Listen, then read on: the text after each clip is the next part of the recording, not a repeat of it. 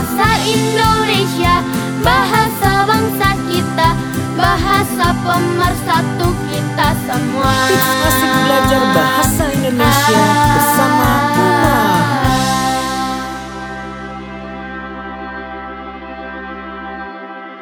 Oh, waktunya mendengarkan siaran radio suara edukasi.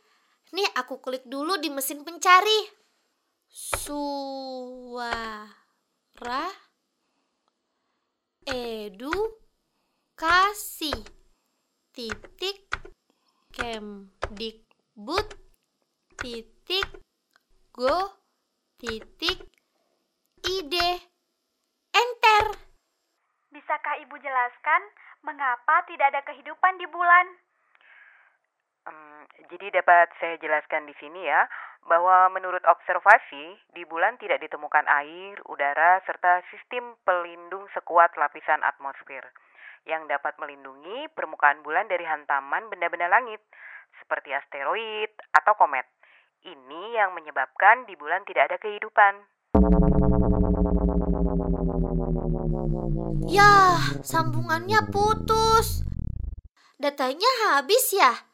Aduh.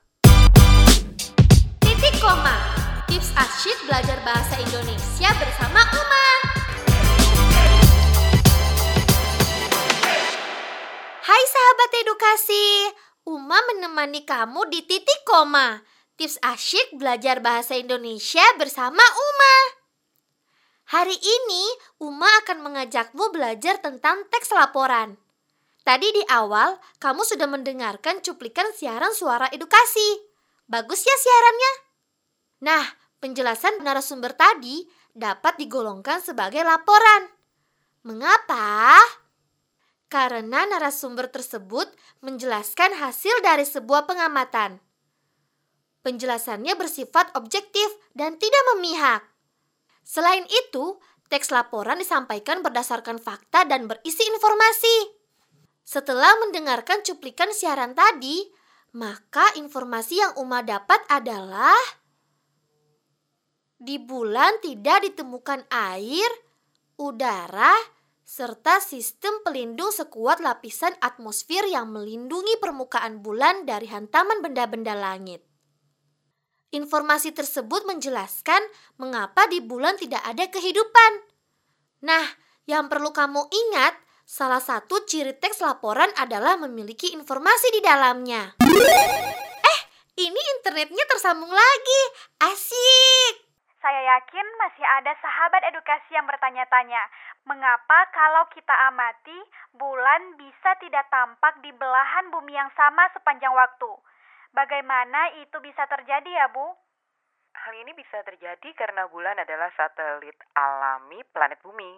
Bulan selalu bergerak memutari porosnya, yakni bumi, setiap 27,3 hari.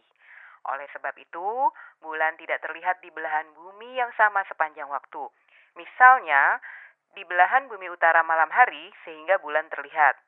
Sementara pada waktu yang sama, belahan bumi selatan sedang pagi atau siang hari, sehingga bulan tidak terlihat. Pause dulu ah. Nah, sahabat edukasi, apakah informasi penting yang terdapat dalam siaran suara edukasi tadi? Kamu tahu tidak? Informasi penting yang kita peroleh dari siaran tersebut adalah Bulan merupakan satelit alami planet bumi dan selalu bergerak memutari porosnya, yaitu bumi, setiap 27,3 hari. Hmm, Uma masih penasaran dengan informasi lainnya tentang bulan. Yuk kita lanjutkan lagi. Klik play dulu. Baik, tadi Ibu menjelaskan bahwa bulan adalah satelit alami dari planet bumi. Sebenarnya berapa jarak antara bulan dengan bumi, Bu? Jarak antara bulan dengan bumi sangat jauh. Sekarang bayangkan ada dua lingkaran di pikiranmu. Yang kiri, lingkaran kecil, atau lingkaran A yaitu bulan. Yang kanan, lingkaran besar atau lingkaran B yaitu bumi. Dua lingkaran ini masing-masing memiliki titik pusat. Misalnya titik pusat A untuk bulan dan titik pusat B untuk bumi. Sekarang, tarik garis dari titik pusat A ke titik pusat B. Oke, sudah saya gambar ini, Bu. Lalu, jaraknya berapa kalau dihitung? Jarak rata-rata bulan ke bumi adalah 384.405 km atau sejauh 30 kali diameter bumi. Walaupun jauh, bulan tetap dalam jangkauan gaya gravitasi bumi. Akan tetapi, bulan tidak jatuh menimpa bumi. Aha, sekarang Uma tahu jarak rata-rata bulan ke bumi. Pause dulu ah. Nah, sahabat edukasi, dari penjelasan tadi, sekarang kita tahu bahwa jarak rata-rata bulan ke bumi adalah 30 kali diameter bumi, yaitu 384.405 km. Ini juga merupakan informasi penting terkait dengan bulan. Sahabat edukasi, sekarang Uma akan membacakan teks laporan tentang bulan. Berdasarkan informasi yang sudah didapat dari wawancara tadi. Teks laporan ini Uma susun secara runtut, dari pokok pikiran umum sampai ke khusus. Dengarkan ya. Bulan Bulan merupakan satelit alami planet bumi. Bulan selalu bergerak memutari porosnya, yaitu bumi, setiap 27,3 hari. Oleh sebab itu, bulan tidak terlihat di belahan bumi yang sama sepanjang waktu. Menurut observasi, di bulan tidak ditemukan air, udara, serta sistem pelindung sekuat lapisan atmosfer yang melindungi permukaan bulan dari hantaman benda-benda langit seperti asteroid atau komet. Oleh sebab itu, tidak ada kehidupan di bulan.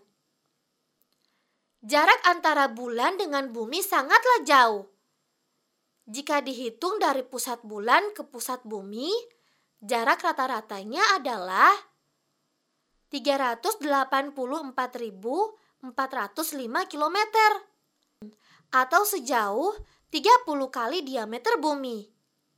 Walaupun jauh, bulan tetap dalam jangkauan gaya gravitasi bumi, akan tetapi ia tidak jatuh menimpa porosnya. Sahabat edukasi, dari contoh teks laporan berjudul bulan, seperti yang sudah Uma bacakan, dapat diketahui bahwa teks laporan adalah teks yang berisi penjabaran umum dari sesuatu yang bersifat ilmiah atau melaporkan hasil dari sebuah pengamatan. Titik koma. Tips asyik belajar bahasa Indonesia bersama Uma.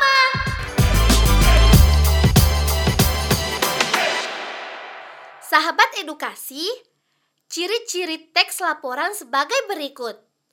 Yang pertama, teks laporan ditulis berdasarkan fakta dan berisi informasi.